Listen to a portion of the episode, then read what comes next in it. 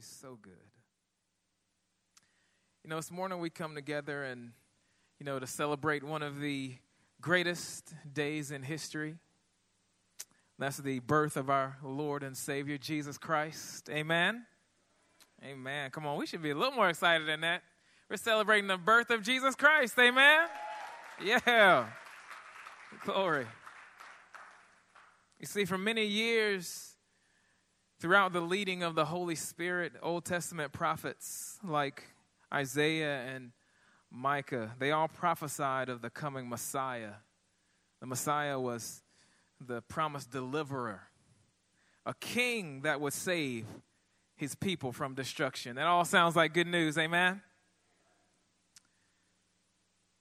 Isaiah 9 and 6 says, For unto us a child is born, unto us a son is given, and the government will be upon his shoulder, and his name will be called Wonderful Counselor, Mighty God, Everlasting Father, Prince of Peace.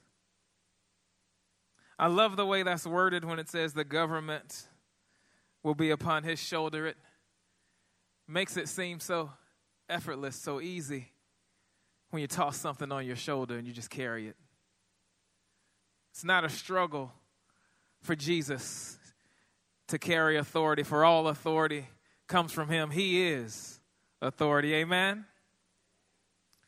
Micah 5 and 2 says, But you, Bethlehem, through you are, though, excuse me, though you are little among the thousands of Judah, yet out of you shall come forth to me the one to be ruler in Israel, whose goings on, whose goings forth are from of old, from everlasting.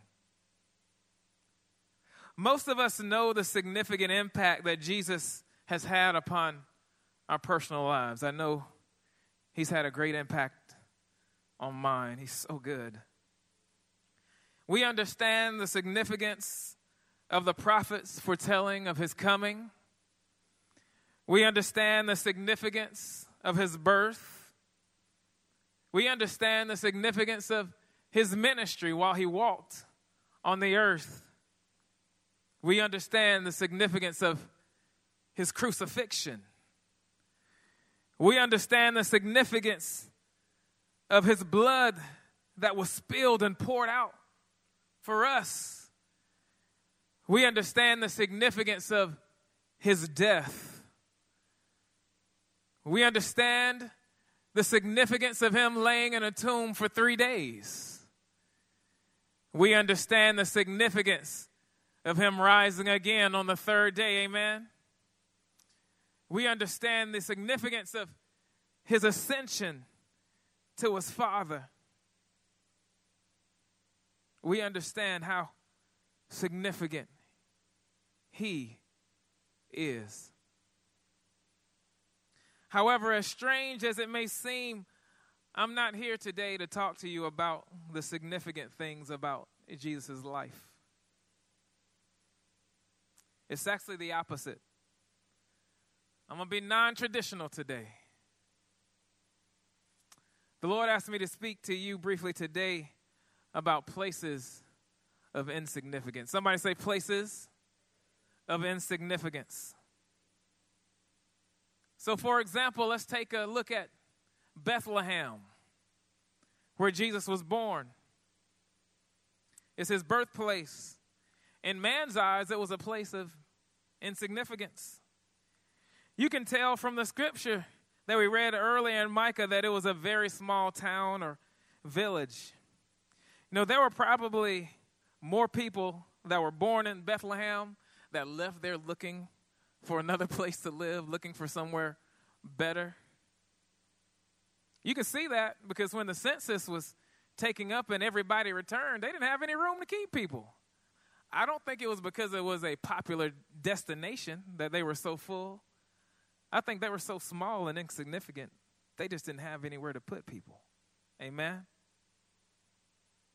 You see, compared to other places in that day, if you take a look, at biblical maps, you'll see there were greater towns that surrounded Bethlehem. Yet Jesus, King of kings, Lord of lords, was born in a lowly manger in a lowly town, Bethlehem.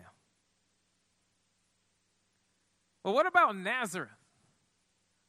What about the place that he was raised in? The place that Mary and Joseph lived, the place where Joseph, his father, had his carpentry shop, the place that they had their home, the place Jesus grew up. That had to have been a whole lot better. Nazareth must have been the place that had it going on. It must have been the place everybody wanted to go to.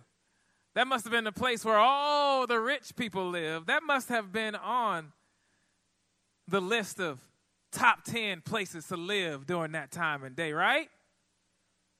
You would think so, but not according to the scripture. In man's eyes, Nazareth too was a place of insignificance. You can see that in John 1, and I'm going to read 43 through 46. It says, The following day, Jesus wanted to go to Galilee, and he found Philip and said to him, Follow me. Now, Philip was from Bethsaida, the city of Andrew and, and Peter. Philip found Nathanael and said to him, We have found him whom Moses in the law and the prophets wrote about. Jesus of Nazareth, son of Joseph. Come on, now, at an announcement like that, you would expect that Nathanael would be like, Yes, praise God. The Messiah is here. He, I knew he was going to come from Nazareth. Didn't quite go like that. Nathanael's immediate response was, Nazareth? For real? Can anything good come from Nazareth? It's not what you would expect. But if you read through the Old Testament or look up some commentaries, you'll notice that Nazareth wasn't even mentioned in the Old Testament. At least Bethlehem got a little spotlight. He'll be born in Bethlehem. Nazareth, nothing. You see, Jesus, though he was King of Kings and though he was Lord of Lords, he had real humble beginnings. There is nothing wrong with humble beginnings. He was born into a place of insignificance, yet he himself was not insignificant. Come on, I, I, don't, I don't think y'all catching me. I said, he was born into a place of insignificance, but yet he himself was not insignificant. See, probably up until this point right now, you're going, this is the most depressing Christmas message I have ever heard in my entire life. I feel like going home and weeping. But that is not the intent. You see, I fully believe the Holy Spirit wants to remind us of something this morning. I believe He wants to remind us that He, God the Father, and Jesus have been making something out of nothing for a very long time. You see, they're in the business of taking something insignificant and doing something miraculous with it. See, at the beginning of time when God created man, he took dirt. Somebody say dirt. You know what the meaning of dirt is in the Bible? It's dirt. See, at the beginning of time when God made man, he took dirt, he formed it, he fashioned it into his own image, and then he breathed life into it. The word says that God is the same yesterday, today, and forevermore. So the same God, oh, glory, the same God that took the dirt back then and shaped it into the form of man and breathe life into it is the same God that shapes our dirt today. Come on, anybody in here got some dirt in their life? Let me raise my I am full of dirt. I am nothing but dirt. But thank God that Jesus was born in a place called Bethlehem, that he was raised in a town called Nazareth, and he is the same Jesus then, and he's the same Jesus today that he was back then. He makes something out of nothing. He takes dirt and he does something miraculous with it. So, for all you dirty people out there, all you dirty people watching by live stream, I am here to tell you today that God wants to do something miraculous with your life. For that is God's master plan. When the enemy separated us, when we gave in to sin, he already knew how he was going to get us back. He was going to take the foolish things to confound the wise. He was going to take the things that don't make sense and do something miraculous with it. See, my question to you today is what are the places of insignificance in your life? Think about your own life. Where is your dirt? What is, or where is your Bethlehem? Where is your, your Nazareth? Where is your place of insignificance? You see, all your insignificance needs is an encounter with God.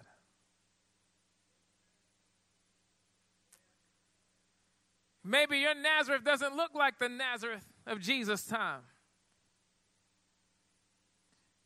Maybe your Nazareth looks different, but dirt is still dirt. Poor is still poor. Broke is still broke. Messed up still messed up. Jacked up is still jacked up.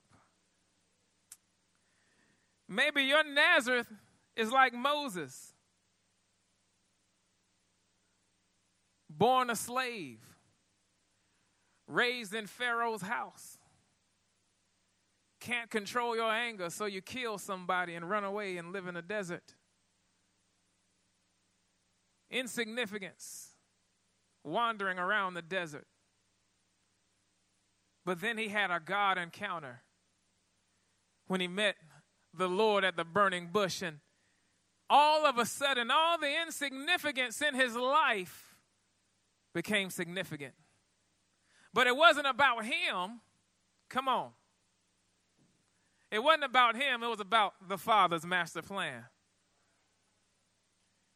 See, the insignificance in your life is not about you, it's about the Father's master plan. Maybe your Nazareth is like Joseph. Maybe you're a dreamer like him. You see, Joseph the dreamer was a legend in his own mind. But then all the dreams that he had came crumbling down around him, and suddenly he found himself being betrayed by those he loved the most. He was betrayed by his brothers and left for dead, sold as a slave, found in Potiphar's house, ended up in jail. Oh, man, the dream doesn't look like I thought it was going to look. I thought my dream was really something, but now it seems really insignificant. But then he had an encounter with God. Somewhere in that jail cell, at some point in time, he realized that he was not the man. He realized that God was in control and everything is submitted. Not to Joseph, not to himself, but everything was submitted to God. Maybe your Nazareth is like the Nazareth of the Apostle Paul. Very well educated, but prideful. Very well educated, but full of anger and full of hate. Maybe your Nazareth looks like him, and maybe you have to get knocked off your high horse just like he did. Riding along, taking care of your plans and taking care of your business. All of a sudden, Jesus comes along. Come on, thank God that Jesus knocks us off our high horse. Thank God that He loves us enough to tell us about ourselves. Thank God that He loves us enough to give us an encounter with Him. And we all know that after that time, his, his life was changed, it was different.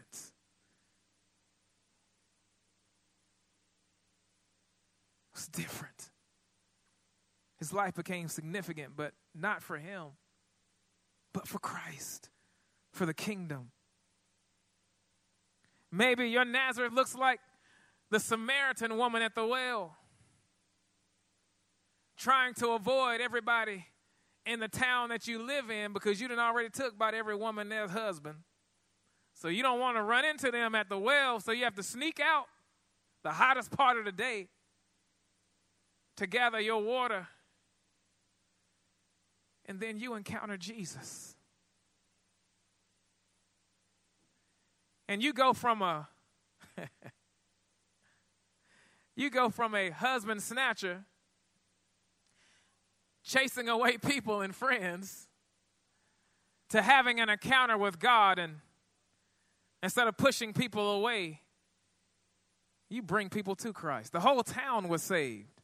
Maybe that's your Nazareth. Maybe, maybe, maybe you're, you're Nazareth and you're Bethlehem, maybe that looks like Jacob, the swindler, Jacob, the thief, self absorbed, not thinking about anybody else but yourself.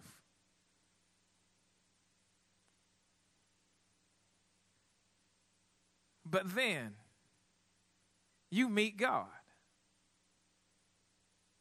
and you wrestle with Him. And after all these years that you have lived a selfish life, you finally allow God to touch that thing in your body. You finally allow Him to go to that place and touch something in you that changes you forever. And all of a sudden, it's not about you anymore, it's about God, it's about His master plan. Come on, I believe that there's some Jacobs in here today. I, I believe that there are some Moses, some, some Josephs, some Pauls in here today. All we need is an encounter with God. Somebody say, I need an encounter with God. You might not fit in this category, but you have a Nazareth somewhere. Maybe it's a broken marriage. Maybe all you do is fight and bicker with your husband. Maybe your Nazareth is an abused childhood. Maybe your Nazareth is a drug addiction. Maybe your Bethlehem is a spirit of anger. Maybe your Bethlehem is there's witchcraft in your family. See, it doesn't matter what your Nazareth is, it doesn't matter what your Bethlehem is. It doesn't matter if you were born with a silver spoon in your mouth.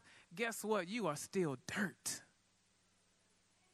You still have dirt in your life. There are people that are born with millions and millions and millions of dollars. Yet they grow up around broken homes and they're told that they're nothing and they have such internal conflict and turmoil, they don't know who they are. Somebody say that's Nazareth.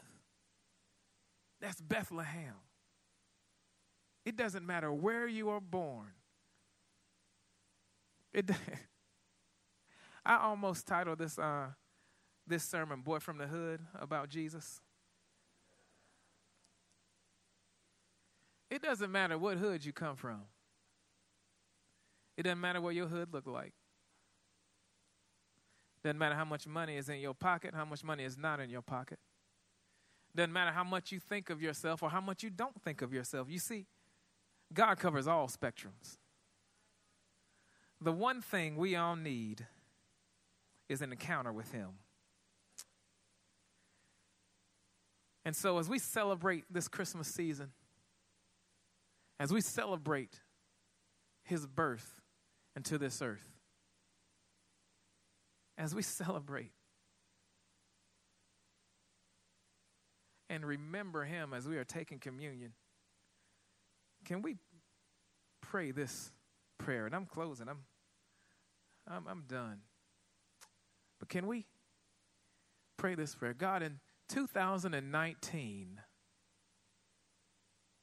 2019, Jesus, take my dirt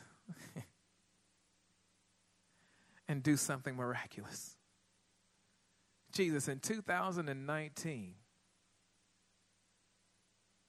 let me have an encounter with you. You see, we all fall short. We all fall short of the glory of God. Hmm. But in and among His glory, everything changes. So, Jesus, this day, this day, Jesus, come on, can you just raise your hands in this place? Lord, this day, we pray with faith. And we ask that we would have an encounter with you that 2019 would be like no other year, that it would be a year of God encounter after God encounter after God encounter after God encounter. Lord, we chase and run after you, and in the places that we're not, come and knock us off our high horse. For we need you. Even in the places we think we don't, we need you. We need you, we need you, and we want you, Jesus. So, right here, Hmm. We lay ourselves down, everything we have, no matter how much, no matter how little, God is yours. Take it and let your will be done with it. Amen. Amen. As we go into this year, Don't look at it like all other years and don't set a some type of just resolution for the year. Let's ask for a God encounter. You see, God encounters last longer than a year. God encounters last forever and they echo into eternity. All the encounters that we talked about today are still echoing over 2,000 years later. Your God encounter is waiting on one thing you. Jesus isn't running, He isn't withholding Himself, He isn't withholding His face. He is waiting for you. And as soon as you say, Jesus, I want you, I need you, as soon as you say, I surrender, I surrender. Come on, just practice saying, say, I surrender. Come on, shout it out, I surrender. Come on, one more time, say it loud, I surrender. Hey. Soon as you surrender, whew, he's right there.